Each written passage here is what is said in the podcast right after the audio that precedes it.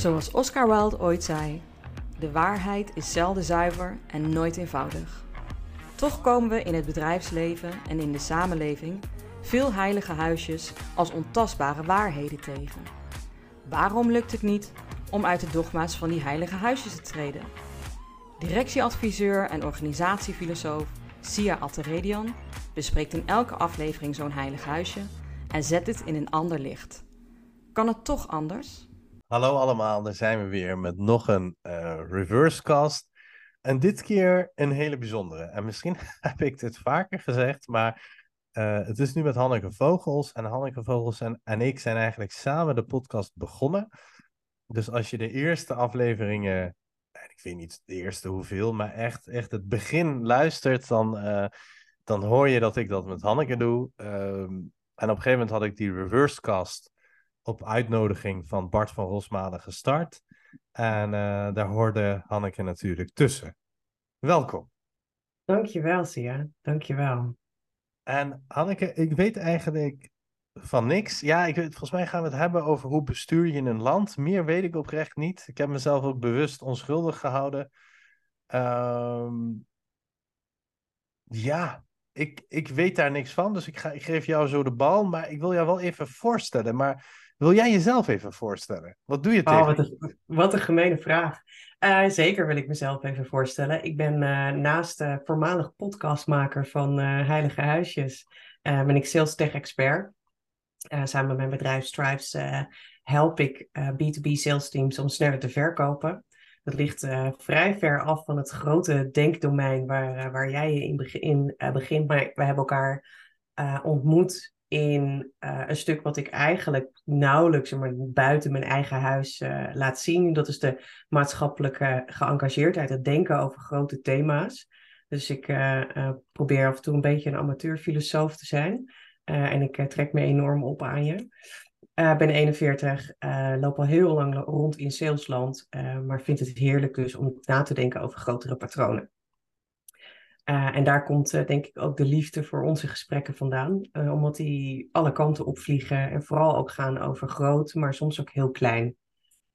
ja, en misschien kan ik hem nog wel concretiseren, want jij zat ergens, en het is aan jou of we dat noemen of niet, maar je zat ergens op een salesstrategie opdrachten. Mm -hmm. um, volgens mij was je ook even daar in dienst en jij vroeg mij erbij van laten we met de founders van dat uh, grote techbedrijf laten we kijken van ja, wat is nou echt de bedoeling? Of hoe komen we tot de essentie van wat we hier samen te doen hebben? Hè? Dus dat was een bijna een boardroom-achtige uh, ja. gesprek met de founders. En vanaf daar hebben wij iedere keer gedacht van laten we gesprekken blijven voeren.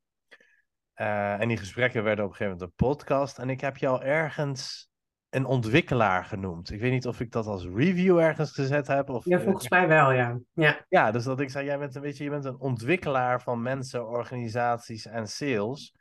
Uh, dus ik heb jou in jou nooit, ik wil niet zeggen dat je dat niet doet, ik heb er geen beeld bij, maar ik heb in jou nooit oppervlakkige sales gezien. Ik heb in jou altijd gevonden uh, van hoe kunnen we gezamenlijk duurzaam groeien. En hoe kunnen we daar een ontwikkeling realiseren? Dus ja, als je zegt sales, denk ik ver van mijn bedshow. Als je zegt Hanneke, denk ik heel dicht bij mijn bed. dat klinkt fouter dan ik het bedoel. Dat is heel maar, fout, ja. Um, maar dat ik me heel erg herken in de dingen die je doet. Dus in dat opzicht is het, ja, hoe kunnen we, hoe kunnen we ontwikkelen? En daar, daar hebben we denk ik ook onze raakvlakken, terwijl we heel ander werk doen. Ja, zeker. Ja, en ik heb vandaag wel iets moois voor je hoor. Want voor mij ben jij echt een onwijs scherpe denker. Met een heel arsenaal aan gereedschappen. Uh, en um, ik wil je vandaag eigenlijk uitdagen. Oké. Okay. Ik heb best wel lang na zitten denken over wat dan mijn onderwerp zou zijn voor deze podcast. Ja, en, um, daar moeten we wel uh, scherp op blijven. Ja, en ik zal je straks de eerste hoofdvraag stellen. Uh, en hem daarna kort toelichten. Ja. Uh, en dan ga ik je direct voor het blok zetten.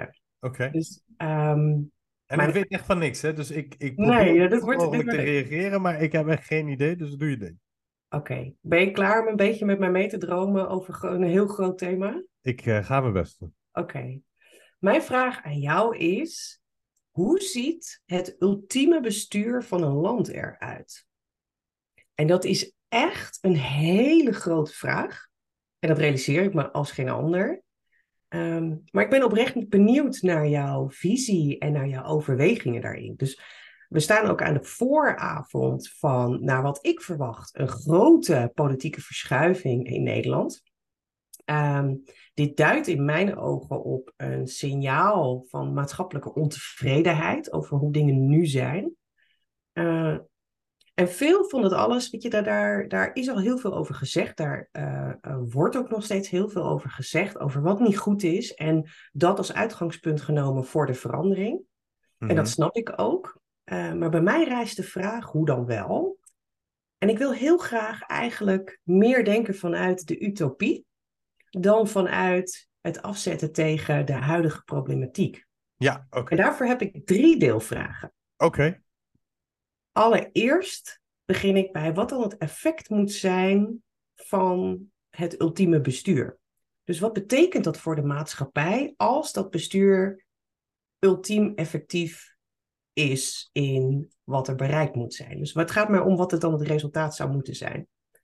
Vervolgens wil ik graag weten wat dan de drie grondbeginselen voor de denkwijze van bestuurders zouden moeten zijn. En misschien kunnen we zelfs nog een uitstapje maken aan welk gedrag zouden we dan willen zien. En dan hoop ik dat we eraan toe komen dat, we, dat je in hoofdlijnen dat we een soort van besturingsstelsel zouden kunnen beschrijven. Waarbij wat mij betreft alles ter discussie staat. Um, vooral om een stukje te dromen.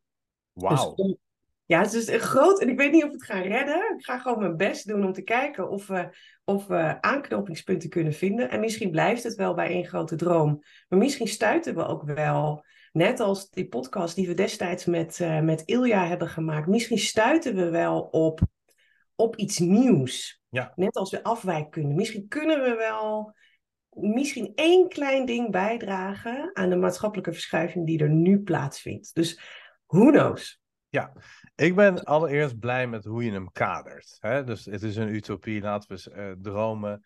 moet allereerst echt beginnen met dat ik me niet voldoende equipped voel om dit gesprek te voeren. Dus voor de luisteraar, neem, neem het niet al te serieus. Eén, ik voel me echt niet voldoende equipped. Twee, ik heb me niet voorbereid. Maar drie, het lijkt me echt fantastisch om daar samen over mee te dromen. Dus ik ben helemaal aan boord en we gaan het ook helemaal doen. Uh, maar deze uh, indekking, uh, helemaal in het begin. Zie je de disclaimer gegeven? Ja, ik heb geheel voorbij aan zijn eigen scherpe geest. en um, we zien het. We zien waar dit strandt. Ik denk dat het een hele leuke exercitie is. Ja, ik ga, ik ga gewoon meedromen en meepraten. Dus jij bent een lead als je zeg maar waar, waar we beginnen. Oké, mijn eerste vraag is: kan jij, als je je ogen sluit en eens nadenkt over hoe jouw leven en hoe het leven van ons allemaal er in Nederland uit zou zien, hoe een maatschappij functioneert bij een ultiem bestuur? En dan heb je het ook over een overheidsbestuur, toch? Hè? Want ja, ergens is het. Ehm, kijk, ik denk dat we, voordat we beginnen met denken, eerst moeten denken over dat het altijd om paradoxen gaat. Het altijd gaat om, als ik meer doe van dit, heb ik minder van dat. Als ik minder van dat doe, heb ik meer van dat. Dus het is nooit perfect. De ideale uh, wereld, zelfs als je die bereikt hebt, ben je ontevreden. Ja. Uh, dus je, je, het is niet dat je dan voelt van dit is ideaal. Maar ik denk dat we, en ik kan me erin uh, vergissen hoor, ik denk dat we in Nederland, ja, misschien in de jaren negentig of zo, daar dichtbij in de buurt waren. Uh, of dat de Scandinavische landen daar misschien dichtbij in de buurt zijn. Maar die ideale wereld, die sust je ook in slaap. Je wordt daar een beetje ondankbaar in. Je neemt het allemaal als gegeven aan. Mm Kijk, ik had me nooit kunnen voornemen dat er uh, bedrijven zijn in Nederland. Hè? Ja. Dat er bedrijven zijn die mensen vergiftigen. Dat waren allemaal Amerikaanse films, zeg maar. Dat was altijd, zeg maar, oh, kijk hoe het daar werkt. Dus ik had dat, ik had, zeg maar, en, en je had al gezegd, laten we ons niet afzetten, maar ik, ik wil wel even aangeven van, in de tijd dat ik ben opgegroeid, was alles redelijk oké. Uh, als er iets was met je tanden, ging je naar de tandarts en dat was gedekt. Ja. Eh, als je problemen had met eh, je huis, dan schreef je je in. En als je in een hele leuke wijk wilde wonen, dan kostte dat 20 jaar. Maar je had op zich eh, binnen een jaar had je een nieuwe woonplek. Dus ik ben in die tijd opgegroeid. Waarin ik ook dacht van, nou, we hebben niks te klagen. Weet je, het is best oké. Je kan het hier een beetje fine-tunen, et cetera. Maar misschien ben ik wel in het ideale opgegroeid. Maar was ik compleet gelukkig? Nee. Was alles perfect? Nee. Dus waarom ik dit zeg is, ik denk zelfs als je het ideale hebt, uh, heb je dat niet door. Het is heel gewoon dan. Ja. En dan. En wat misschien voor mij het ideale is, is niet voor de anderen het ideale. Dus dat, dat blijft ook een beetje een wisselwerking hebben. Ik beschrijf nu die tijd als een uh, utopie. Maar je zag wel dat rechts en extreem rechts, ja, weet je, dat was het uh, moment waarop zij konden groeien. Uh, dat zijn de periodes geweest waarin die ideologieën heel erg zijn gaan groeien, omdat uh, ja, wij in een utopie leefden en, zij, en heel veel mensen voelden zich niet erkend. Nee. En ik weet niet of dat precies goed is hoor, maar je hebt zeg maar met de komst van Pim Fortuyn, dan gingen zeg maar PvdA-stemmers, die stemden toen Pim Fortuyn. Dat was ook een best een switch waarvan je denkt van, oh, Mhm. we leven in die utopie, maar nee, niet, voor heel veel mensen niet. Dus om maar aan te geven van, die utopie is lastig te vangen en die geldt niet voor iedereen. En je zult altijd ontevredenheid hebben. Je zult altijd, uh, omdat het om paradoxen gaat, zul je altijd iets of iemand tekort doen. Nee. Maar ik Zou niet, dan- ik had niet verwacht dat we in een fase zouden komen van zoveel crisissen. Dus ik voel Ja. ook wel van, oké, utopie is misschien lastig te grijpen, maar mismanagement is wel goed te grijpen. Oké.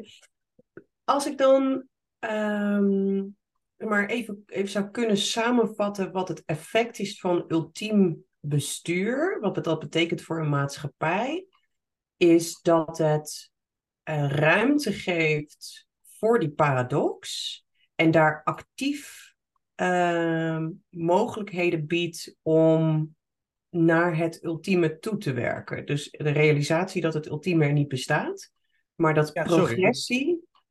Progressie ik had te weinig, te weinig antwoord op jouw vraag. Dus de- ik maak het je nu ook heel moeilijk. Nee, maar dat, dat Eh. geeft niet. We zijn aan het dromen, dus het is ook mo- moeilijk om het concreet te maken. Nou, ik denk dat, je, eh, dat het ultiem bestuur ehm, bestuurt wat niet vanzelf te besturen is. Dus ik, ik ga even wat meer helpen. Dus hè, Nee. als je kijkt naar eh, de markt, kan een aantal dingen heel goed opvangen. Mhm. Dus als je kijkt naar communistische landen, die hadden, die hadden dan een planneneconomie. En uiteindelijk was dat planneneconomie een soort van nabootsing van wat de markt deed. Ja. Want als je wilt weten hoeveel potloden je nodig hebt, zeg maar volgens jaar, moet je ook een beetje kijken wat de vraag van mensen is. Ja. Dus er zijn een hoop dingen die we op de markt kunnen oplossen en er is geen overheid voor nodig. Sterker nog, als je de overheid dat laat doen, dan is het traag, niet goed, et cetera. Mocht je denken van, dat is heel kapitalistisch gedacht. Nou, kijk maar naar de eh, gedoe die de communistische landen hebben gehad. Dan hebben ze opeens biljoenen tafels, maar geen stoelen. Je, dat is ook een beetje lastig voor klaslokalen. Ehm, maar waar je de overheid wel nodig hebt in het besturen, zijn een aantal niet door de markt te besturen principes. Zorg, energie. En dat zijn allemaal dingen die we nu aan de markt hebben uitbesteed. Dus ik zou zeggen van ja, de overheid moet dergens besturen wat niet vanzelf te besturen is. Oké. Ehm, ja, wat ik, dan, wat ik dan lastig vind, als je dan kijkt naar de effecten van ultiem bestuur, wat dat dan betekent in de maatschappij, is we zijn natuurlijk van het zorgstelsel wat we hadden naar een zorgstelsel wat we nu hebben gegaan. Ehm, omdat blijkbaar het oude niet houdbaar of niet houdbaar was of niet functioneerde. Maar als je daar, als je daar dan weer. Dan, want dan, dan bedenk je weer vanuit de problematiek die we nu zien. En ik, we hebben het ergens ook wel nodig. En tegelijk probeer ik dan te dromen over.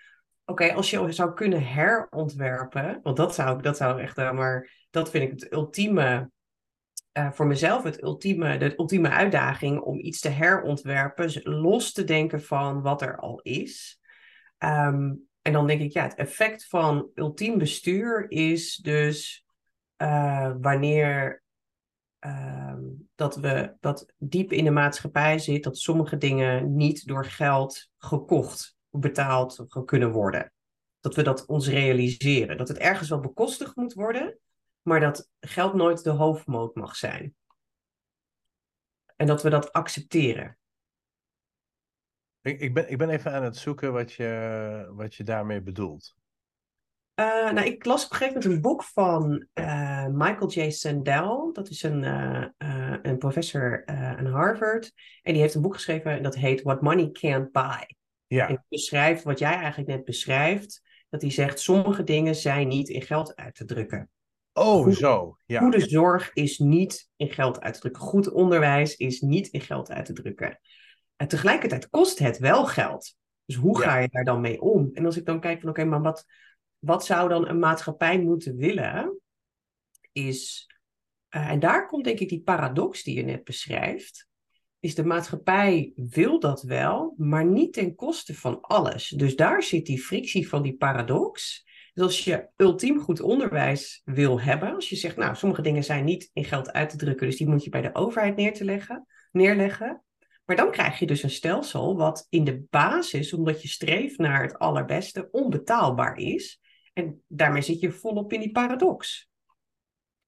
Ja, en, en kijk, je, je, maakt, je, een paar denkstappen. Je, je ging eerst van waar we waren naar waar we nu zijn. En je zei van ja, dat, dat moet wel een reden hebben. Een reden zou kunnen zijn dat het eigenlijk een cirkel is. Dus als het heel goed gaat, dat we dan verslappen voor lief nemen gaan het een beetje loslaten. En ja, als we het dan loslaten, dan gaat het steeds slechter. Dan komen we in een zooitje terecht. En dan gaan we weer de, uh, de, de boel eh, strak trekken. Dan komen we langzaam weer goed. En zo gaan we, zitten we constant in een cirkel van goed en minder goed. En verval en uh, herpakken, et cetera. Dus het zou kunnen dat we weer in zo'n trant zitten. Van ja. een gebeuren. Dat zou kunnen. Ja, tegelijkertijd, als je het hebt over die paradoxen, die blijven altijd. Kijk, je, als je het ene doet, kun je het andere niet doen. Dus als je het hebt over goede zorg, de vraag is, ja, wanneer is dat zorg goed? Waar houdt het op? Ja. Uh, ik weet nog, tijdens corona waren er, dat is een andere cultuur. Maar als je hier was afgeschreven vanwege je leeftijd voor corona, dan kun je in Turkije nog behandeling krijgen. Mm en ongeveer de helft van die mensen heeft het daarna gered door die behandeling. Ja, weet je, hoe, hoe ver moet je doorgaan? En dat weet ik niet, hè? dat weet ik oprecht niet. Dus dat heeft ook met dit soort vraagstukken te maken van, ja, uiteindelijk weet ik ook niet wat dat precies het puntje is van welke tint van grijs waar je moet uh, stoppen of door moet gaan. Maar waar het mij voornamelijk om gaat, is dat je de problemen wel op de lange termijn erkent. Okay en in die paradoxen kan bewegen. Dus het woord warmer, dat is een feit. de, de, grootste wetenschapper mhm. hierover van NASA, bla bla bla, die zegt: wij hebben het onderschat, het is eigenlijk veel erg. Ja. Dit weet op zich iedereen intussen. Hè? Je mag het ontkennen, maar ieder bestuurder kan het ergens weten. Dan weten we ook dat het in India en die landen wordt het gewoon onbewoonbaar, want dan wordt het 50, 60 graden. Mm Nou, die mensen komen hierheen. Feit. Wat ga je daarmee doen? En dan spelen die paradoxen ook. Je wilt natuurlijk zorgen voor je eigen mensen. Je kan niet doen alsof je een wereldburger bent, maar je bent ergens ook wel tegelijkertijd een wereldburger. Mhm. En ik denk dat het begint met überhaupt de problemen duurzaam erkennen. Wat ik daarmee bedoel is, het is niet, het is niet vandaag bedacht dat er klimaatverandering komt en er volksmigraties komen. Dat weten we. Ja. Dus hoe kun je dat duurzaam erkennen en adresseren? Maar dan kom je weer in een paradox van korte termijn versus lange termijn. Als ik dit verhaal ga vertellen, stemt niemand op de korte termijn op me. Maar het is wel iets wat ik te managen heb op de lange termijn. Dan zit je weer in zo'n paradox. Ah, dus dat, dat ehm, als je dan teruggaat naar de, zeg maar, de grote vraag van wat betekent dit voor een maatschappij, is dat wij als maatschappij erkennen dat onze bestuurders nooit op korte termijn grote veranderingen teweeg kunnen brengen. En dat we ze daar dus ook niet op af willen rekenen. Ja, dat, we ze dus de ja. ruimte geven om die langetermijn verschuivingen die er plaatsvinden, die er nodig zijn om de frictie die ontstaat in die paradox op te lossen. Ja, Dat is wel een hele, dat is een, ik vind dat een hele mooie, concrete ehm, effect. ehm, wat we als maatschappij terug moeten geven aan het bestuur. Ja, en dan ik ga hem nog complexer maken. En dat, daar zit ook weer een paradox in. Want als ik je niet afreken op de korte termijn, wat doe je dan op de korte termijn? Dus daar zou ook iets moeten zijn. Dus wat je in de korte termijn doet, moet ook wel ergens controleerbaar en beheersbaar zijn in dienst van de lange termijn. Dus de progressie moet inzichtelijk zijn. Ja, of wat je aan het doen bent. Dus als je zegt, ik investeer nu eh, onze hele hebben en houden in nieuw onderwijs. Mhm, En we gaan daar leren, mee experimenteren. En ik krijg alle ruimte. mhm. Want kinderen op, ophokken in, eh, in, in kleine eh, zaaltjes op houten stoelen en zeggen je moet daar acht uur gaan zitten of zes uur gaan zitten of whatever het ook is. Dat werkt niet. We willen een nieuw type onderwijs. En dat is niet allemaal in tijd en geld en ruimte eh, te vangen. Maar we gaan wel constant verantwoorden wat we aan het doen zijn. En niet vanuit een bureaucratische last, maar ik hou je ook wel verantwoordelijk voor wat je aan het doen bent. Maar hoe kan je dat iemand verantwoordelijk houden als die maar vier jaar zit? Nee, nee. Dus eh, op de lange termijn gaan we kijken van wat hebben we hier te doen en wat zijn de problemen. Dus ergens horen we die te erkennen. Hè? Dus als we zeggen we hebben een huizencrisis, dan horen we dat allemaal te erkennen en dan moeten we iets op de lange termijn doen om dat op te lossen. En het liefst dat dat ook in verhouding staat met de vluchtelingencrisis, met de klimaatcrisis en al het andere wat we te doen zijn, te doen hebben. Dus een holistische aanpak op de lange termijn. Dat vind ik wel echt heel mooi hoor. Want eigenlijk wat je, dan komen we een beetje op punt drie uit hoe dan het besturingsstelsel eruit zou moeten zien. Maar wat ik eigenlijk, dat ik je nu hoor zeggen, is dat de trias politica zoals we die nu kennen, een element mist. We missen een langetermijn element in dat stuk, waarbij je eigenlijk zou zeggen, we hebben een commissie nodig die langer zit, die bijvoorbeeld, ik noem maar in Dwarsstraat, de lijn uitzet voor 10, 15 jaar, misschien wel 20 jaar. Eh, en dat, dat, dat die thema's daar minder vaak wisselen. En dat zij de opdracht geven aan de bestuurders van het land. Dit zijn de kaders waarbinnen jullie progressie moeten laten zien. In plaats van dat er volledige vrijheid is over ehm, eh, over de richting waar we heen moeten. Want ik denk dat in de basis, als je kijkt binnen, ons, binnen onze maatschappij, dat we met z'n allen het, denk ik wel, eens zijn over de richting. Eh, al dat het gaat over eh, grote, dat, dat iedereen wil een woning hebben die bij hem past. Iedereen wil een goede oude dagsvoorziening hebben. Iedereen wil goed onderwijs. Iedereen wil eh, een goede zorg. Dat willen we allemaal. En we erkennen denk ik ook allemaal de problematiek die eronder ligt. Maar je zou voor dat soort eh, grote thema's zou je eigenlijk een, eh een langetermijn strategie willen hebben die wordt bewaakt. En eh, de eh, politieke partijen die in de macht zijn, die zouden eh, de kaders, de richting van die grote lijnen moeten volgen. En alleen invloed moeten kunnen hebben op welke stappen zij nu willen gaan zetten. En worden afgerekend in verkiezingen over hoe ze dat hebben gedaan. is niet wat ik zei, is wat jij zegt. Hè? Maar ik vind het wel een mooie. nou ja, als we aan het dromen zijn, vind ik het wel een mooie. Ik, ik denk dan direct aan Cenk Willink of zo. Of hoe heet hij ook Mhm. weer? Dat zou Ja. bijvoorbeeld iemand zijn die Ja, goed is in zo'n commissie. Maar, maar meerdere vanuit verschillende politieke kleuren. Ehm, omdat, kijk, ik denk als je uiteindelijk voor, bent voor oneindig vrijheid. Of oneindig gelijkheid of oneindige broederschap, maakt me eigenlijk niet uit. Maar hoe je daarvoor bent en hoe je voor die principes waakt, dan, dan vind ik het interessant worden. Dus ja, weet je, oneindig vrij is kan een prachtig instrument zijn. En oneindig gelijk kan ook een prachtig instrument zijn. Maar ze gaan helaas niet samen. Dus dan ontstaan die paradoxen weer. Dus hoe je daadwerkelijk vanuit principes op de lange termijn koers houdt, dat zou wel een mooie zijn. Ja. Ja. En dan weet ik niet of zo'n commissie gaat werken, want dat heeft ook weer. Ik moet heel erg denken aan. ehm, eh, volgens mij is dat Plato, maar ik kan me vergissen. Dat, dat er een aantal staatsvormen zijn eh, uitgewerkt. Mhm. En dan zegt hij ook van ja, weet je, de dictatuur, daar is eigenlijk helemaal niks mis mee. Dan heb je iemand, in onze taal is dat eh, heel slecht, maar dan heb je iemand die alleenheerser is en die daarin het goede doet. Daar is niks mis mee. Het wordt pas verkeerd als het een tirannie wordt. Dan heb Ja. je dus die alleenheerser die allemaal verkeerde dingen doet. En hetzelfde doet hij met de democratie. Hij zegt ja, de democratie, ja, weet je, als het populisme is, dan is die levensgevaarlijk. Het Mhm. is niet per se een goede staatsvorm. Het is als het populisme, want ik, ik weet daar het fijne niet van, maar er wordt ook heel vaak gezegd dat de naties aan de hand van de democratie aan de macht zijn gekomen. Eh, dus ja, als, als je een verkeerde vorm van democratie hebt, dan is dat populisme en is dat levensgevaarlijk. Bijvoorbeeld voor minderheden of minder stemhebbenden of degene die dan even niet in de waanzin van de massa meebewegen. Dus het gaat er maar net om van, ja, je kan het ook hebben over een groep wijzen die dat dan allemaal doen en die daar jarenlang voor opgeleid zijn. Hè? Daar lijkt onze commissie een beetje op. Ja. Maar ja, hoe is dat anders dan aristocraten die voor de rest van de menigte gingen bepalen wat goed voor ze is?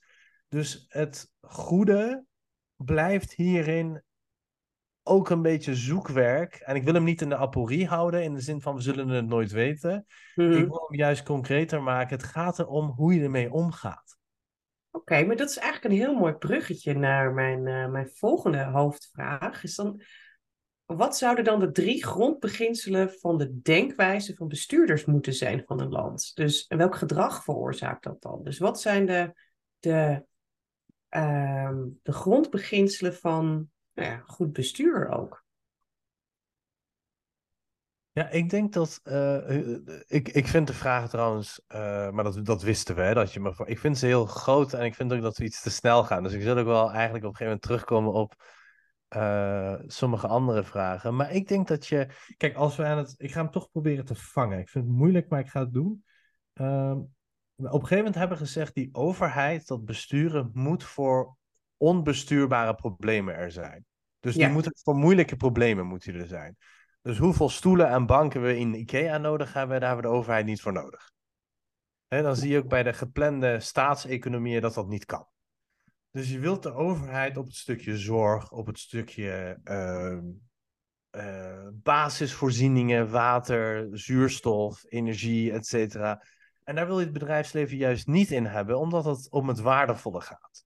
Mhm. En dat het geld kost en het efficiënt moet runnen, dat lijkt me evident. En dat je daar een overheid voor moet inrichten, lijkt me ook evident. Maar uiteindelijk wil je dus dat die overheid betrouwbaar en voorspelbaar is. En dat die overheid zorg draagt. En dan kijk je veel meer naar zorgrelaties. Jij hebt kinderen, jij hebt een zorgrelatie naar je kinderen. Daarin neem je een bepaalde rol in. Ja. Je bent nu podcast-host, daar heb je weer een zorgrelatie naar mij toe van, oh ja, eh, moeilijke onderwerpen, maar we zijn aan het dromen. Daarin neem je zorgrelatie serieus.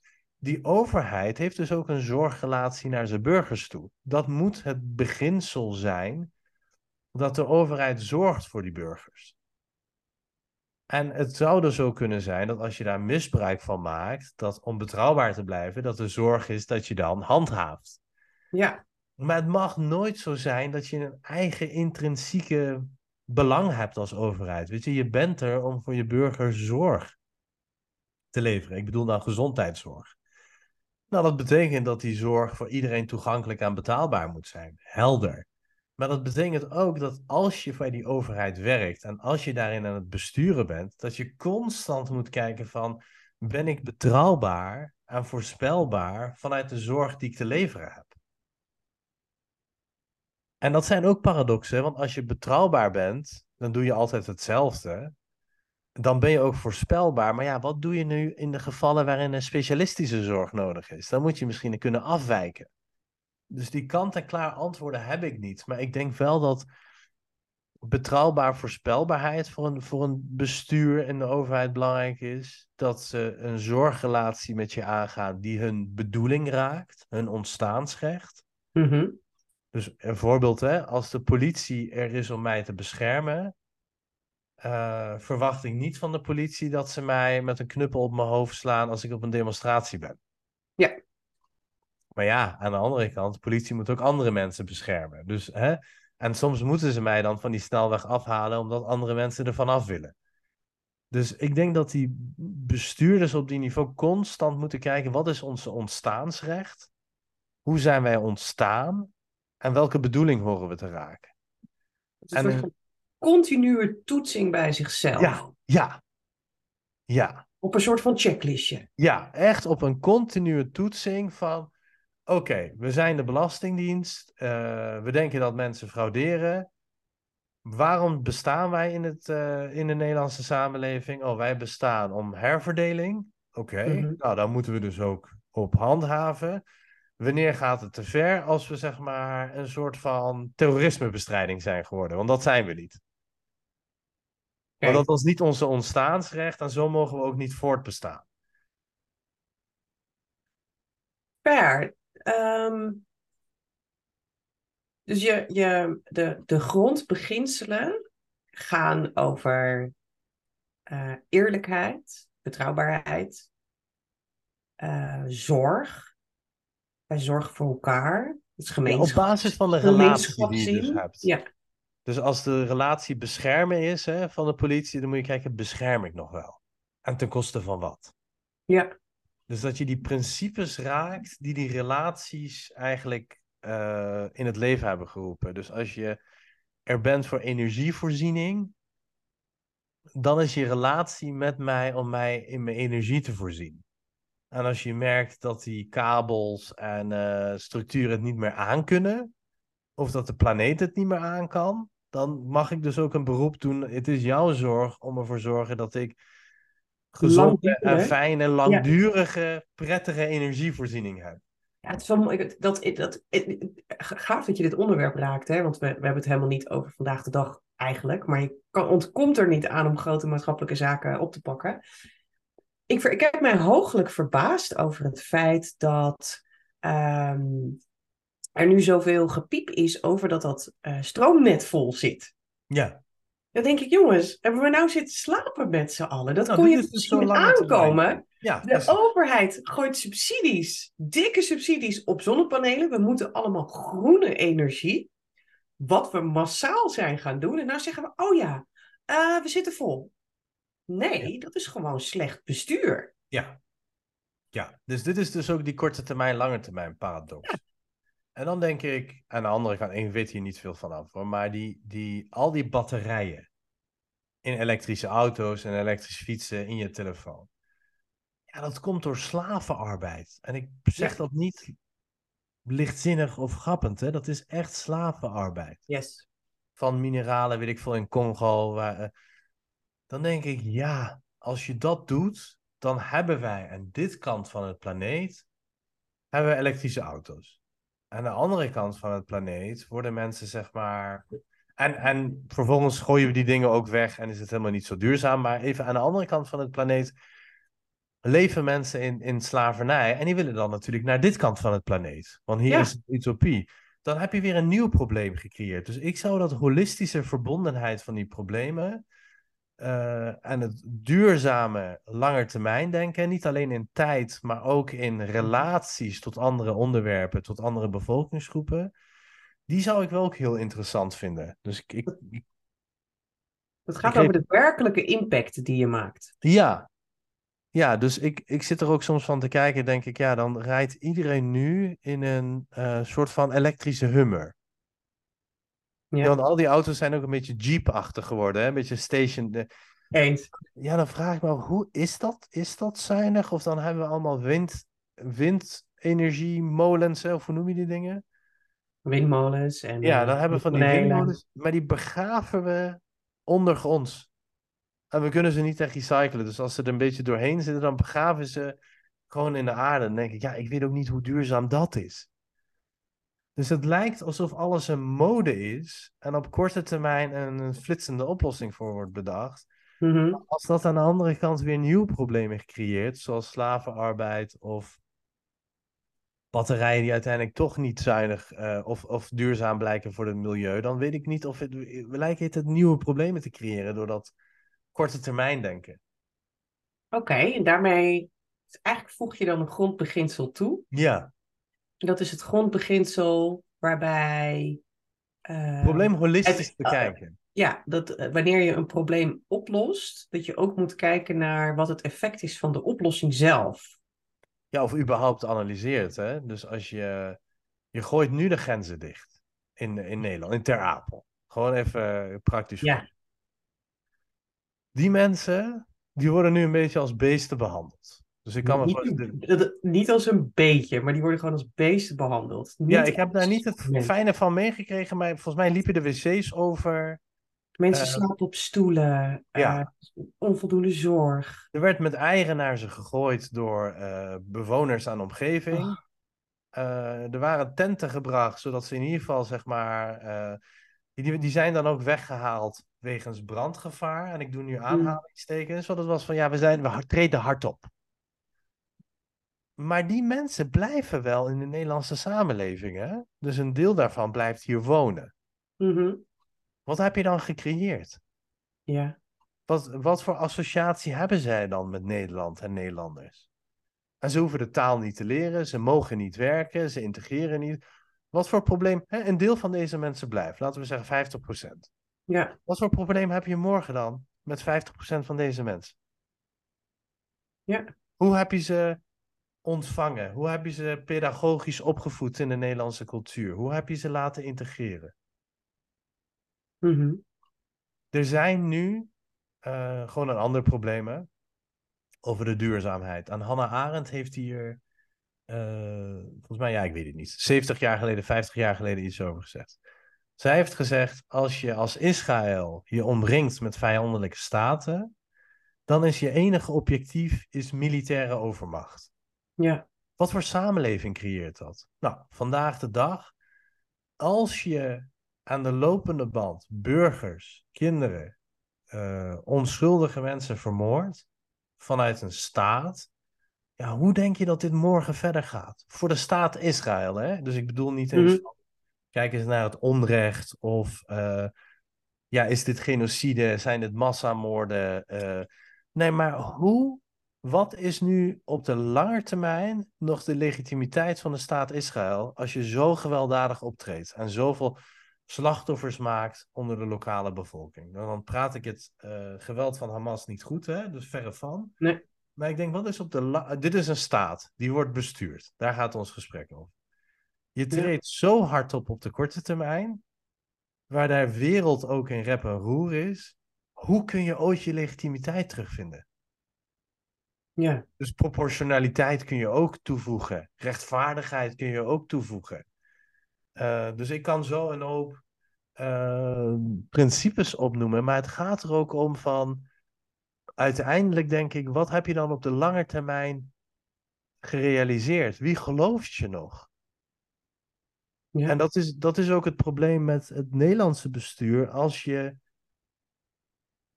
zo aan de funderingen hebt gezeten van betrouwbaarheid, van geloofwaardigheid, van goed bestuur, van misschien ook wel wederkerigheid.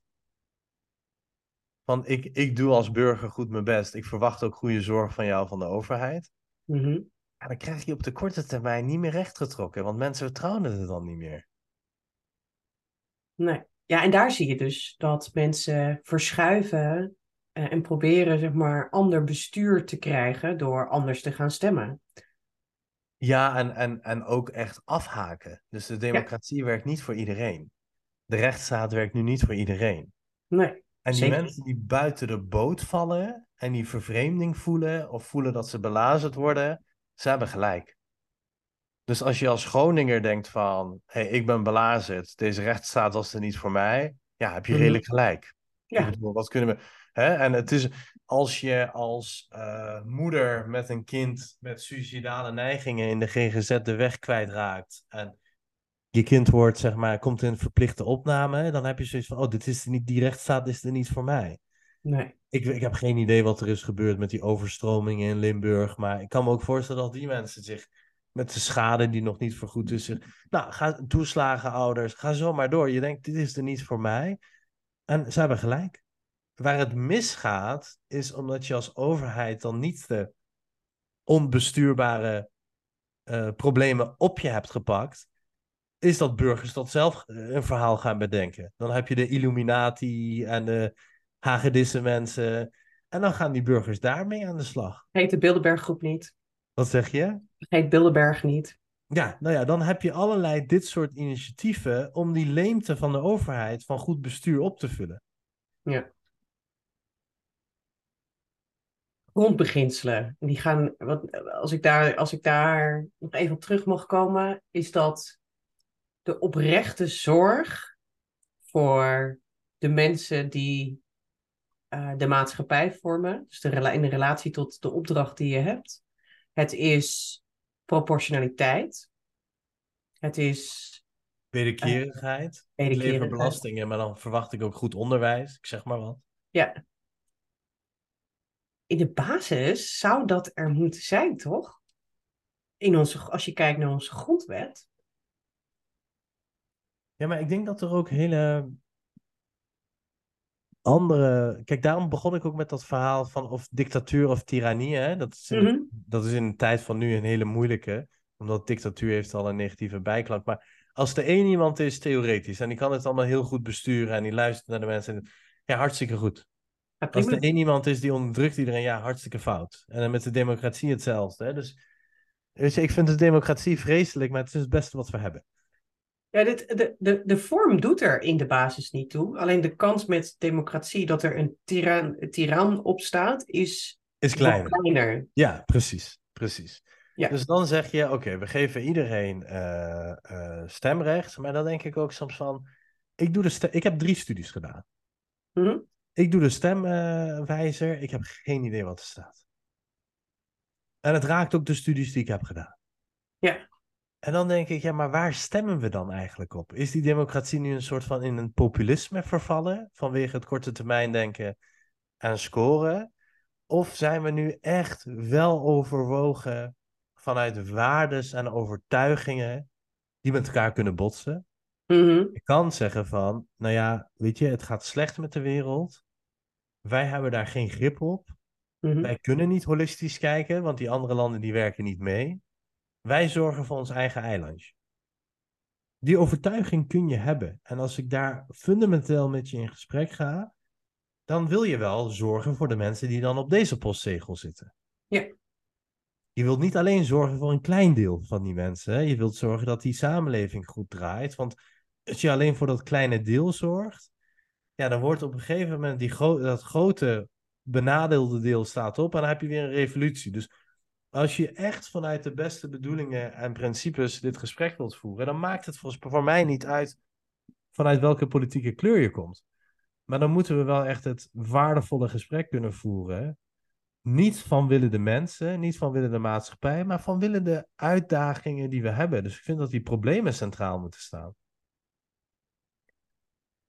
dat legt, een, dat legt een verzoek bij de maatschappij neer. Die komen weer terug bij uh, de eerste vraag die ik stelde over, over hoe zo'n maatschappij dan functioneert. Wat bedoel je daarmee? Is dat ook zo? Nou, is dat je, dat, je uh, dat een maatschappij uh, zich realiseert dat het ehm, dat ondanks of je nou stemt, welke kleur je, welke kleur je kiest, dat we uiteindelijk ons geluk zoveel mogelijk moeten delen. Dat we die plaats zo groot mogelijk moeten maken, omdat je anders te veel frictie veroorzaakt. Ja, en ik vind Amerika daar een heel goed voorbeeld van, want wat mij betreft is het gewoon een ontwikkelingsland. Dus dan uh, qua, qua geweld, qua uh, misdrijf, qua niveau van onderwijs, qua uh, cohesie in de samenleving. Dus ja, ze hebben heel veel geld en ze gaan naar de maan. Maar als je kijkt naar wat voor samenleving het is, vind ik het gewoon een ontwikkelingsland. Dus daar hebben ze uh, een deel van de bevolking leeft in zulke armoede en geweld en ontmenselijking. En dan gaat die andere, die gaan dan gated communities maken waar zij dan fijn kunnen leven. Maar uiteindelijk moet jouw dochter ook uit die gated community naar de mall. Of uh, moet zij ook ergens gewoon een pizza kunnen halen. En dus hoe groter dat verschil tussen rijk en arm wordt, hoe heftiger de samenleving wordt waarin je zelf moet leven. Ja. Je, je, kan maar net zulke hoge hekken bouwen. En als het gaat om klimaat, dan helpen die hekken ook niet meer. Dus nee. het is een stukje, we zitten allemaal in dezelfde wereld. Dus ja, daar speelt ook een paradox. Als je oneindig gaat voor je eigen gewin, doe je uiteindelijk je eigen gewin kwaad mee. Want ja, je zit uiteindelijk toch in die samenleving die dezelfde problemen heeft die je probeert te, waaraan je probeert te ontsnappen. Ja, het is één ding wat je weet is als je een hek bouwt, zal er altijd iemand zijn die hem omver wil trekken.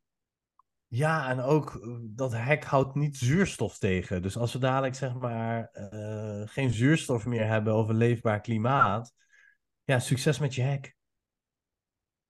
Ja. Want die problemen zijn uiteindelijk allemaal wel duurzaam met elkaar verbonden. Maar dan ontstaat de paradox weer van tot waar kan ik voor mij als bestuurder goed voor mijn mensen zorgen? En waar ben ik zo afhankelijk van andere relaties? Ja, waarin het wordt ook van, ja, ga ik nu voor mijn eigen gewin? Of ga ik voor de algemene goed en verlies ik daarin? Dat is denk ik ook iets waar bestuurders vaak in zitten. Ja, dat, maar dat gaat over ego. Nou, nee, het gaat ook om een prisoners dilemma. Want als Rusland niet goed voor zijn mensen zorgt, maar wel een grote militaire capaciteit heeft waarmee die ons wilt veroveren, ja, dan moet ik ook zorgen dat ik een goed leger heb waarmee ik ons kan beschermen. Dus het, het is in de praktijk wat moeilijker, omdat als jij voor het goede gaat, hoeft de ander niet voor het goede te gaan. En daarmee kom je soms in een zwakkere positie. Uh, ja, omdat rechtvaardigheid nou niet altijd loont. Snap je wat ik daarmee bedoel? Ja, ja ik, begrijp, ik begrijp heel goed wat je daarin zegt. Um... Dus jij, jij, jij, werkt in sales. Als er mensen zijn die gaan voor de oppervlakkige korte termijn oplossing. Ja, ja. En die halen daarmee snel targets. En jouw plan duurt jaren. Ja, weet je, en je wordt daardoor krijg je de opdrachten niet.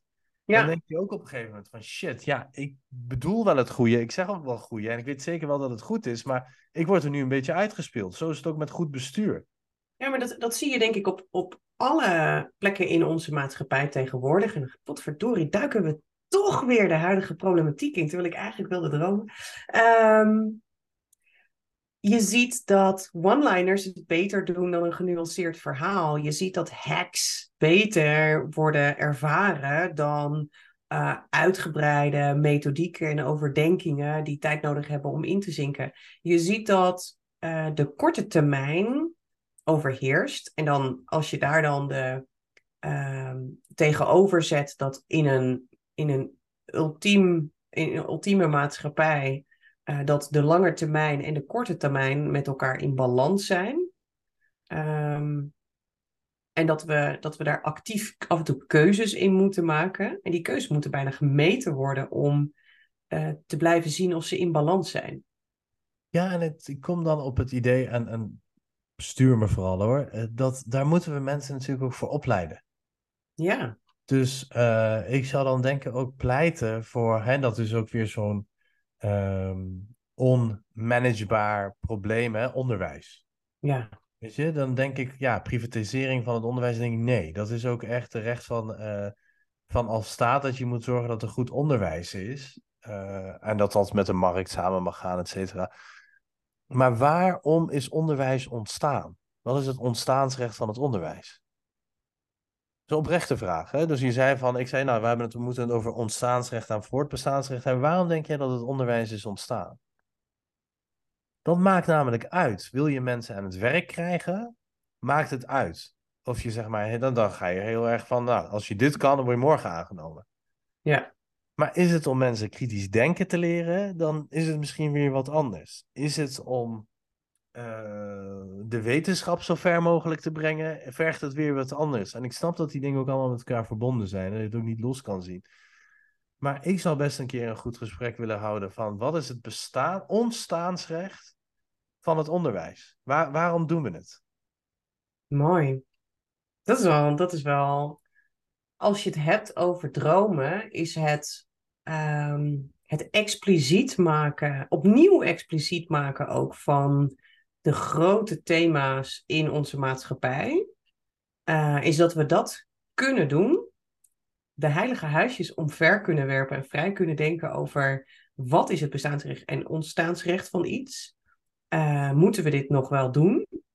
Dat dat fundamenteel in uh, onze, in de handelingen van bestuurders moet zitten. Dat je, de, dat, je dat op, op regelmatige wijze dat dat, dat dat in beweging komt. Dat moet concurrent zijn.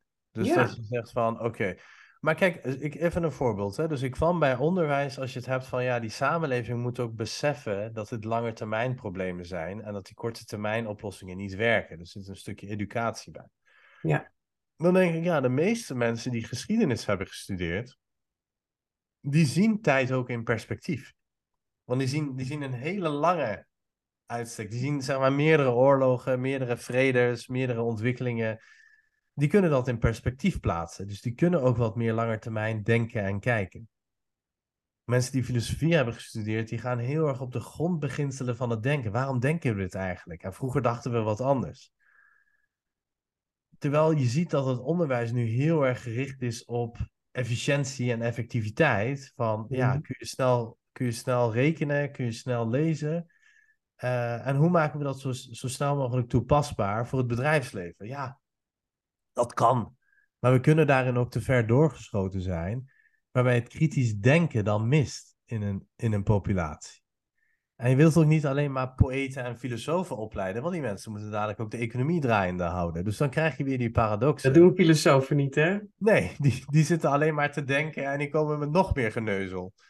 Ehm, maar ik denk wel, ja, weet je, ik snap niet wat er in de stemwijzer staat. En ik heb drie studies gedaan. Dat zeg ik ook niet om stoer te doen. Hè? Ik snap werkelijk niet wat erin staat. Ik weet niet wat de gemiddelde burger stemt en hoe ze bij die overweging komen.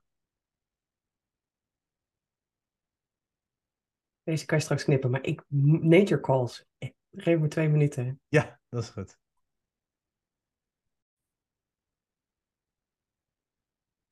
Oké, dus we hebben nu ehm, de maatschappij en de grondbeginselen hebben we continu met elkaar verweven. Hele mooie voorbeelden gezien.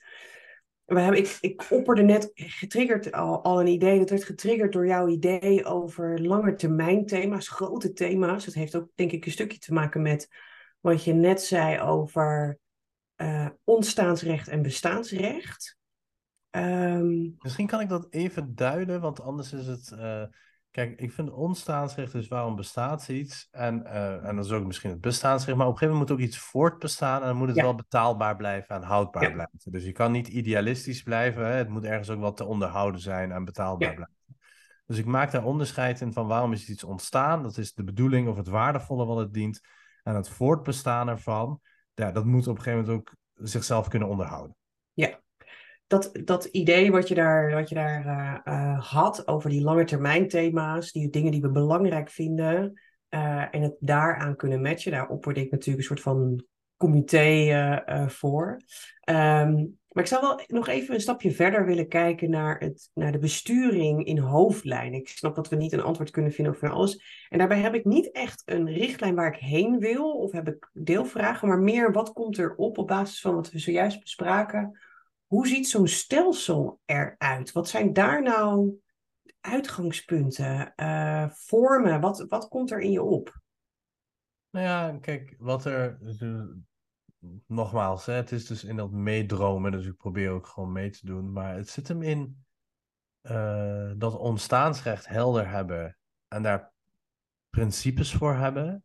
Dus als Mhm. het is om te zorgen, of als het is om recht te spreken, of als het is om te beschermen, dat je constant in het besturen moet kijken, zitten we nog in lijn met die idealen? En dat je daar systemen en methodieken en eh, controlemechanismes op uit moet voeren. En eh, prima, maar zit dan nog in lijn met die idealen? Mhm. En ik denk dat het een soort van constante check moet zijn, waarin je kijkt van, dienen we nog waarvoor we in het leven zijn geroepen? Dus even een voorbeeld, hè.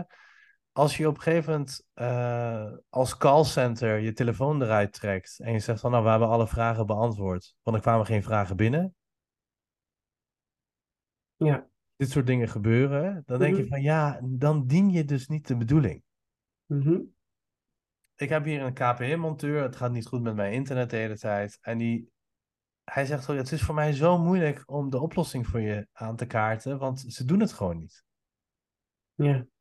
Dus, dus er is iemand die is zeg maar bijna aan het smeken bij een collega van of die, of die zeg maar naar mijn probleem wil kijken. En dan denk ik, wat voor rationaliteit zijn we nu beland? Van ik bel de callcenter en de callcenter is daar met een techneut in gesprek en die techneut wil gewoon niet helpen. En die zegt van ja, doe maar een nieuwe kabel. Dan denk ik, ja, kan ik doen. Maar ik kan ook een nieuwe stekker en een nieuw stopcontact. Maar hoe kom je erbij, een nieuwe kabel? En uiteindelijk zijn ze ook gekomen en heb ik uiteindelijk iemand gevonden die zegt ook van ik ga dit voor jou oplossen. Maar dat is iemand die blijft gewoon in de, in de bedoeling van zijn werk. Die zegt van ja, je hebt een nieuwe modem nodig en het zou kunnen dat we, dat we je op een nieuwe portal moeten zetten. Maar dat verwacht ik niet. Ik ben nu eigenaar van het probleem en ik ga het verder brengen. In Ja. lijn van onze relatie. Dus in lijn van dat zij mij ontzorgen en mij internet geven. Ja. Dus als jouw rol is om een concreter te maken om goed onderwijs te verzorgen. En dan moet je in lijn van goed onderwijs iedere keer een stap verder zetten. Oké, dus ons besturingsstelsel heeft ehm, de opdracht. Ons besturingsstelsel is dus zo ingedeeld. Eigenlijk lijkt het een beetje op wat we nu hebben. We hebben dus ministeries voor alle onderwerpen die ertoe doen. En binnen die ministeries is de heersende mores. Wij weten waarvoor wij zijn opgericht. We weten waarvoor wij ehm, wat we moeten doen om daar recht aan te doen. Dat toetsen wij actief. En wij moeten ieder jaar, iedere eh, verkiezingsperiode, onze progressie inzichtelijk maken. Onze voortgang. En ook die voortgang blijven toetsen aan het doel wat, we, wat gesteld is. Nee, ik denk, ik denk toch anders. Eh, dus ik denk die ministeries, hè, daar zou ik eigenlijk een soort van. Ik vind dat die ministers overkoepelend over die ministeries moeten kijken, lossen we problemen wel op. Dus we vangen nu alles in de zorg op, maar we doen Mhm. niks aan preventie. Ja, Maar ja, er is niet een ministerie preventie, dus er is niemand die daar zich hard Dus voor die- gaat maken. oké, dus die verzuiling is een. Is Ja, een die is zeker een probleem. ja, En dat heeft ook te maken met het holistisch bekijken van een probleem. Ik denk dat je probleemeigenaar moet zijn en dan moet gaan kijken van hoe kunnen we dit probleem oplossen. ja, Waarbij je dus ook niet de hele tijd voor je eigen zeiltje gaat of voor je eigen deelministerie, maar kijkt van ja, hoe lossen we een probleem op? En als je merkt dat eh, de druk op de zorg komt door slechte opvoeding en opleiding over wat goed eten eigenlijk is, Mhm. ja, dan is dat misschien eerder een onderwijsprobleem dan een zorgprobleem. Nou, multidisciplinair denken, gaaf. Ja, dus dat bedoel ik constant met dat holistische, want het Ja. raakt elkaar. En als je deeloplossingen zoekt voor een complex duurzaam probleem, zul je het nooit adresseren. Oké, en daarmee, kijk, uiteindelijk als je kijkt naar een ministerraad, is dat een multidisciplinair team. Wat Ja. vervolgens teruggaat naar zijn eigen eh, eh, departement eh, om de dingen op te lossen. Maar je zegt, nu is die verzuiling te groot. Wat we eigenlijk zouden willen is dat daar onder water, dus niet alleen zeg maar in die ministerraad, maar daaronder er ook een gemeenschappelijk aanpak van, het, van een probleem. Dus we zouden probleemgeoriënteerd moeten zijn in plaats van eh, vakgebied. Ja, en weet je, er is natuurlijk een onderscheid. Deze vragen lopen een beetje door elkaar heen. Als je vraagt wat is goed besturen, Mhm. Ja, misschien kun je het zelfs in het huidige systeem, kun je dat met goed bestuur doen. Eh, Alles werkt het misschien een beetje tegen, maar je zou ook, zeg maar, als minister van Volksgezondheid en minister van Onderwijs kunnen gaan en zeggen van, hé, hey, eh, kunnen wij dit samen oppakken? En eh, nou ja, nee, die potjes met geld die van tevoren in die contracten zijn gezet, hè, want zo gaat het dan. Ja, Daar, ja, weet je, dan gaan we naar de minister-president toe. Zeggen van ja, wij kunnen alleen problemen oplossen als we het zo adresseren. Ja. Dus er hoeft, als je het hebt over goed bestuur, dat zit natuurlijk niet per definitie direct of alleen in structuurveranderingen. Maar de vraag van hoe kunnen we een structuur bedenken wat gaat helpen, ja, dat is weer een andere vraag. Daar kun je ook naar kijken. Dat, dat weet ik niet. Maar ik zou het ze wel los willen trekken. Goed bestuur is ook. eh, ja, ik vind dat. eh, ehm, ik weet niet hoe die mevrouw van de SP heet, maar ik vind Pieter Omzicht en zij, die hebben zich echt goed ingezet als Kamerlid om de toeslagenaffaire boven water te krijgen. Weet je, Mhm. dat, maar dat doe je bijna met een bepaalde stervensbereidheid en met dat iedereen die tegen je werkt en dat probeert te verdoezelen. Ik ben eigenlijk best benieuwd van hoe creëer je een structuur waarin het wel goed is om het goede te doen. En niet alleen ehm, eh, clipjes te schieten voor op YouTube, maar dat je echt daar heel hard aan het werk bent om goed te besturen. En dat zit natuurlijk deels op gedrag en dat zit op deels op structuur. Mooi. Ja, want dat, dat, ehm, een van de dingen die ik zelf altijd roep als het gaat over organisaties ehm, en commerciële organisaties, waar ik natuurlijk over, altijd in verkeer, is dat je kan nog zoveel reorganisaties doen, je salesresultaten worden er niet per se beter van. Nee, het kan, Eh, maar het hoeft niet. Het is namelijk, het, het, het kan een rol spelen, maar in de basis is dat nooit per se zeg maar, het enige wat er, wat er moet gebeuren. Dus ehm, ik, vind, ik vind het mooi om de conclusie te trekken dat als je kijkt naar eh, jouw eh, utopische bestuur, het ultieme bestuur van dit land, dat de conclusie in de basis is, is dat structuur veel minder ertoe doet. We hadden het al over Plato, we hadden het al over, eh, ehm, over heel, veel, heel veel andere dingen die, daar, eh, die daarbij naar boven komen. Maar het ging voornamelijk niet over structuur, maar veel meer over denkwijze eh, en grondbeginselen. Cultuur gaat het veel meer over. Dat denk ik wel. Kijk, als je. Eh, als ik echt zou dromen van hoe zou een goed bestuur eruit zien, dan denk ik van ja, dat zijn wel mensen die echt verstand hebben van de problemen die er zijn. En echt verstand kan zijn doordat je zelf armoede hebt eh, ervaren. Mhm. Of dat je zeg maar eh, echt het denken en het onderzoek over het armoede goed kent. Of dat nou wetenschappelijk is of door levenservaring, laat ik even in het midden. Maar dat je het probleem überhaupt kent en doorleeft. Dat is ook mooi. Ik zit dan, dan komt meteen Joris Luijendijk in mijn hoofd met zijn zeven vinkjes, eh, waarin hij zegt: Het is een gebrek aan ervaring eh, die je hebt als je zeven vinkjes hebt. Dat ik dan denk: Ja, weet je, als je het bestuur van een land zou zomaar iets wat or- kunnen zijn, wat organisch is, wat je, waarbij iedere burger in de maatschappij. eh, net als met juryplicht in Amerika, waarin je de, de plicht hebt om bij te dragen tot het oplossen van de, eh, van de problemen die er zijn, als jij een bepaalde ervaring hebt. Ja, en, en misschien passend bij je expertise. Want dat er nu mensen zijn die willen gaan onderzoeken of de aarde rond is of niet. Dan denk ik, ja, weet je, dat is al uitgezocht. Besteed je tijd maar in iets anders. Maar als je in armoede leeft, dan wil ik niet van een beleidsmedewerker horen wat is armoede. Maar iemand die in armoede geleefd heeft en hopelijk ook daaruit is gekomen en, en ja, wel een een of andere carrière heeft gemaakt. Daar zou ik veel meer van willen weten van wat werkt en hoe werkt het. En het mooie voorbeeld vind ik, er was, en ik weet niet of ik nu goed quote, maar er was een mevrouw, eh, ze vroeg aan iedereen van wat ga jij met je energiecompensatie doen? En er waren allemaal initiatieven om dat weg te geven. En toen vroeg ze aan zo'n mevrouw, ga jij dat weggeven? Ze zei, nee, wij gaan daarvan op vakantie. Oh, oké. En dan wat ga je dan doen? Oh ja, nee, nee, ja, nee. Nee, wij gaan daar eh, leuk van weg. Wat doet u voor werk? Ja, ik ben eh, ambtenaar armoedebestrijding. En dan, ja, dan denk Ja. ik, zo'n mismatch tussen de systeemwereld en de leefwereld. Dus ja, die systeemwereld en de leefwereld dichter met elkaar brengen zou helpen. Maar het helpt ook als je gewoon mensen hebt die daar niet voor de eigen carrière of gewin zitten of voor populisme daar zitten, maar die echt problemen willen oplossen. En problemen zijn al eenmaal hardnekkig. Dus aan de ene kant heb je soms gewoon wetenschappers nodig die dat door en door Mhm. kennen. Maar soms kan dat wetenschappelijk denken ook beperkt, beperkt werken, omdat je merkt ja, dat de menselijke ervaring toch anders is dan de wetenschap aangeeft. Dus een stapeltje, stapeltje afwijkkundigen, ervaringsdeskundigen en eh, Ja. wetenschappers. Ja, en dat je dan uiteindelijk ook in dienst van die probleem gaat kijken van wat kunnen we nu doen. Mhm. En als het probleem, kijk, als je merkt van hier is Europese of wereldwijde we- samenwerking voor nodig, dan ja, dan heb je het ook moeilijk. Want je moet de rest nog allemaal gaan overtuigen of meekrijgen. Maar zolang je op dat duurzame probleem, en ik weet dat dat geen woord is, maar ik vind dat een mooi woord, hardnekkig probleem. We hebben het vaak over duurzame oplossingen. Maar ik denk ook soms heb je ook eenvoudige problemen aan duurzame problemen. Weet je, het klimaat is nu eenmaal iets wat holistisch met elkaar verbonden is. Ja.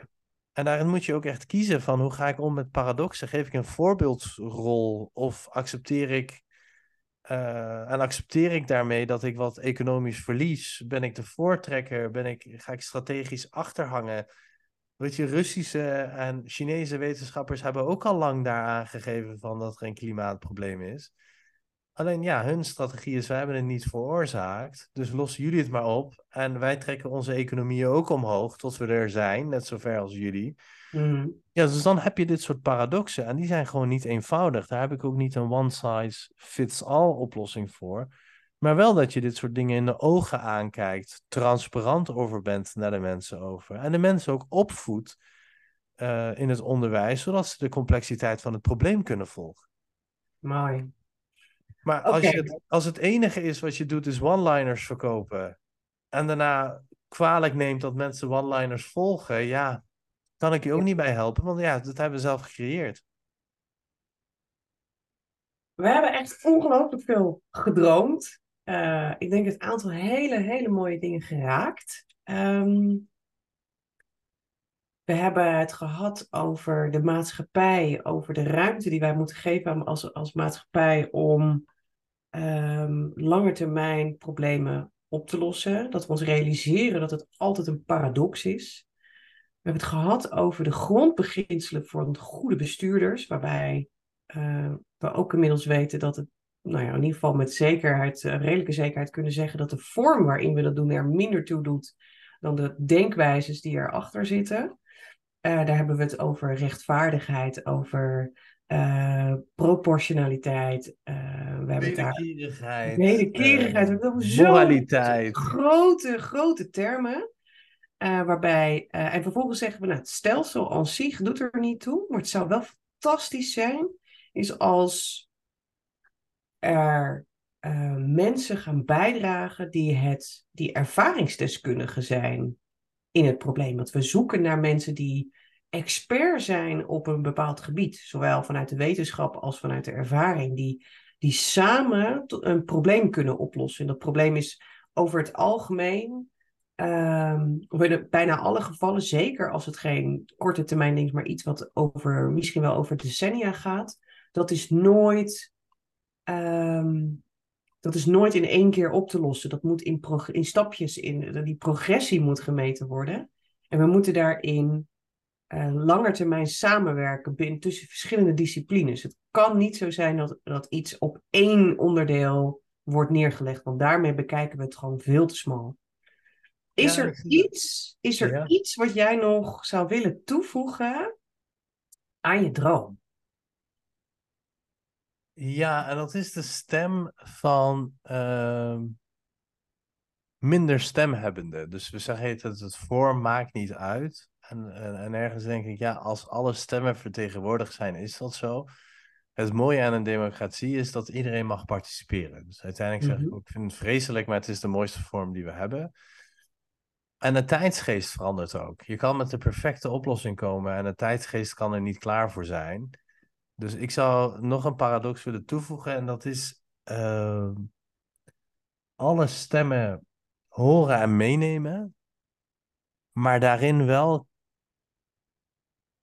kijken naar hoe we het probleem kunnen oplossen en niet hoe we het populisme kunnen managen. Mm, mooi. Dus ik ben ook bijvoorbeeld als die mevrouw in Ter Apel, die ook eieren had gegooid, die zei op een gegeven moment van ja, hij kan niet op judo. En hij was dan een beetje een mollige zoontje van haar, die niet kon sporten in eigen land. En daar was geen geld voor. Dus ik begrijp haar zorg ook. En ik vind dat de overheid dan de, de zorgrelatie heeft om haar kind ook uh, van sociale voorzieningen en van sport en et cetera te kunnen voorzien. En niet om ons als beesten tegen elkaar uit te spelen. Dus ik vind ook die zorgen moeten gehoord worden. En vervolgens kijk je naar problemen. Oh ja, we hebben internationaal verdragen en ook menselijkheid. En we willen ook dat wij ergens naartoe kunnen als er hier oorlog is. Dus we moeten wat mensen opvangen.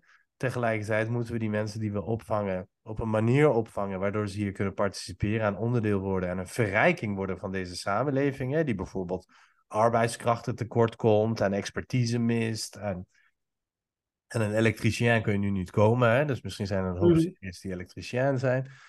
En tegelijkertijd dat we zorgen dat de mensen die al in dit land wonen ook voldoende kansen en mogelijkheden hebben, zodat we ze niet tegen elkaar uitspelen. En als het is dat we allemaal een stap terug moeten doen in welvaart en niet de iPhone 900 kunnen kopen, prima, maar dat we als samenleving gezamenlijk ontwikkelen. Ehm, en dat is nooit de een ten koste van de ander, want dat is een beetje tribalism, hè? Van als ik eet, kan de ander niet eten. Dat mag nooit de gedachtegang zijn. De gedachtegang is, we kunnen de taart samen groter en mooier maken. Dus ik heb niet echt heel erg antwoord gegeven op die eh, grondbeginselen, maar ik vind zo'n grondbeginsel zou ik ook wel mooi vinden. Van hoe kunnen we het samen mooier en beter maken, in plaats van hoe kunnen we een beroep doen op het slechtste in ons om schuldigen aan te wijzen. Ja. Want ja, die mevrouw heeft ook een terechte zorg. Ze wil dat haar kind een hobby kan uitoefenen in het rijke Nederland. Ja, die moeten we ook adresseren. Die stem moet ook gehoord worden. En wat ik bedoel dan met we moeten op het probleem zitten. Het probleem is dan, hoe zorgen we ervoor dat er sociale voorzieningen zijn voor iedereen? De nieuwkomers en, en ook de mensen die hier langer zitten. En, en dat is iets anders dan hoe spelen we mensen als beesten tegen elkaar uit, want eh, dan winnen we het populisme. En dat is ook iets anders dan een utopie creëren van er is oneindig plek en oneindig ruimte en oneindig middelen. Dus ik vond een mooie oplossing van Tesseltje, dat is een oude podcastgast. Ze zei, ja, je moet kennishubs maken. Je moet geen opvangcentra maken, maar je moet kenniscentra maken. Waarbij we de kennis die we nodig hebben naar Nederland halen, die mensen goed verzorgen. En kennis die dan in Frankrijk, Duitsland of elders nodig is, daarheen brengen. En een deel zal in de regio worden opgevangen vanuit menselijkheid. Mhm. En zo heb je een duurzame probleem voor een duurzame, een duurzame oplossing voor een duurzaam probleem. Maar dan moet je wel dingen in de ogen aankijken en duurzaam adresseren. Ik vind het een. eh, er is nog zo, zo verschrikkelijk veel te, hierover te zeggen. Maar als ik in het kort. eh, nu. Mijn, mijn originele vraag was: hoe ziet het ultieme bestuur van een land eruit? En de grap is, na, na, zeg maar die, meer dan een uur met elkaar gesproken te hebben, waar ik waanzinnig mooie dingen heb gehoord, is eigenlijk de conclusie die, we, die jij in het begin eigenlijk al trok, is dat ultiem niet bestaat. Want misschien hebben we ultiem eigenlijk al wel gekend in de jaren 90, althans zo had jij dat ervaren. Maar dat het streven naar ultiem, ehm, dat het het enige is wat we van onszelf kunnen verlangen. Ja, en dat dat ook de rol is van die overheid. En Ja. iedereen die daarin werkt. En als je daar met een andere bedoeling zit, dan is dat tegenstrijdig en daardoor niet effectief. Ja, mooi. Toch is het je gelukt, Sia. Het is Nou, ik weet het niet. om Ik vond- Zo'n groot thema. Ik vond het heel moeilijk. Wat, wat vond jij ervan? Heb jij antwoord gekregen op je vragen? Dat is een hele oprechte vraag, hè? Dus niet een... Ja, Sia, ik was niet op zoek naar het ultieme antwoord. Ik was op zoek naar jouw inzichten die een glimp mochten geven van het werk wat ons als maatschappij te doen staat. Naar eh, oude wijsheden en nieuwe inzichten samen. En ik denk dat er misschien wel tien parels in deze podcast hebben gezeten die uit, jou, eh, uit jouw prachtige brein zijn gekomen, waar concreet vandaag iemand iets mee kan. Iemand, al is er maar ergens op een departement eh, van een ministerie van Onderwijs die zegt: Ja, ik heb een rol in, ehm, eh, in, de, in het oplossen van eh, hoge bloeddruk en eh, diabetes. Ik heb daar een rol in. Ik moet in het onderwijs preventie mee gaan nemen. Ehm, als er maar bij iemand een lichtje is gaan branden op een van de dingen die we hebben geraakt, dan hebben we als een stel afwijkkundigen hier de wereld weer een klein beetje mooier gemaakt. Dus dit soort grote thema's kan je niet in één podcast van iets meer dan een uurtje beantwoorden. Hier zijn zoveel mensen zo hard mee bezig. Ehm, Ja, en misschien is... ik ben enorm geïnspireerd door, door, de, door, de, eh, door de nieuwe ideeën die je in mijn hoofd hebt geplant. En ik hoop ook dat de luisteraars dat, eh, dat meenemen. En jij zei ergens, we moeten opnieuw gaan testen van... Klopt dit wel, wat we aan het doen zijn? Ja. Uh, ik denk dat dat misschien wel een goede is. Van in lijn van wat het, wat het waardevolle hier is. Hè, dan moet je vier keer de waarom, vijf keer de waarom vraag stellen. Van waarom doe ik dit, waarom bestaat dit? Ik als adviseur denk van, nou ja, ik, ik ga dan in die maatschappelijke vraagstukken de mensen die daar, die zich goed hard maken voor de opgave en het goede, die ga ik proberen te ondersteunen. Dus als ik merk dat ik dat niet kan doen, dan is het ook voor mij prima dat ik die opdracht niet krijg of dat het geen vervolg krijgt. Uh, dat houdt mij stabiel. Dat is een soort van moreel kompas. En ik denk dat we die allemaal moeten gaan vormen als bestuurder, maar ook als medewerker van wat is hier nou het waardevolle? Ja. In wat ik aan het doen ben. En daar zitten toch wel universaliteiten in hoor. Ik weet niet precies wat ze zijn, maar kijk maar in universele rechten van de mens. Ik denk, als je zegt van het, het moet moreel zijn of het moet rechtvaardig zijn, dat je ook echt gaat uitzoeken wat is dat dan? En doen we dat dan? En dan die vragen blijven stellen, want anders dendert het machine verder. Dat is toch ook wel een staat, hè? Het is een soort van machine. En die dendert verder en die maakt links en rechts slachtoffers. En, en dat is in ieder geval niet het ideale of de utopie. Dat iets ondoordacht verder dendert en heel veel slachtoffers maakt. En kijk uit, het gaat altijd over de ander. Het gaat over de Groninger en het gaat over de overstroming in Limburg en het gaat over de toeslagenaffaire. Voordat je het weet, ben jij die ander. Ja. Mooi. Wat vond je er zelf van? Van deze ik vond het heel moeilijk. Ik vond het te groot. Ik vond het moeilijk. Ehm, ik voelde mezelf ook niet equipped. Dus ik zou het echt terug moeten luisteren om te kijken van uh, wat ik nou allemaal gezegd heb. Uh, en ik denk dat de oplossing niet zit in.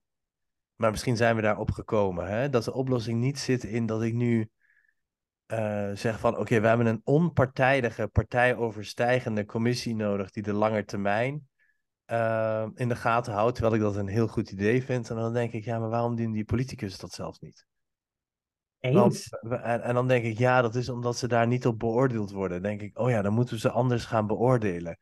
Maar ja, hoe doe je dat dan? En dan denk ik, ja, ergens moeten we ook gewoon, zit het misschien in de educatie van dat we zelf beter moeten gaan. Want de volksvertegenwoordiger is een vertegenwoordiging van ons, is een weerspiegeling van ons. Ja. En uiteindelijk denk ik, wij hebben het misschien niet zo goed gedaan als dat onze vertegenwoordiging is nu. Eens. Maar mensen gaan vooral stemmen ook. Dat, dat. Zonder stem gebeurt er sowieso niks. Ja. Hey, dank. Dank dat jij hier uh, gastvrouw wilde zijn. En uh, nou, eigenlijk mij aan mijn mouw trok van zei van... hey, in die reverse cast, daar, daar wil ik aan meedoen. Ik vind het heel leuk om weer te spreken. Um, ik vond het ook heel leuk dat je er weer van de partij bent. Hè? Dus het is dit is toch gewoon je huis. Dus voel je altijd welkom als er iets is om op de podcast te verschijnen. En eh, vond het ook leuk om je vanochtend, maar ook nu uitgebreid eh, te spreken. Leuk. Absoluut. Dankjewel. Waar genoegen, wederom.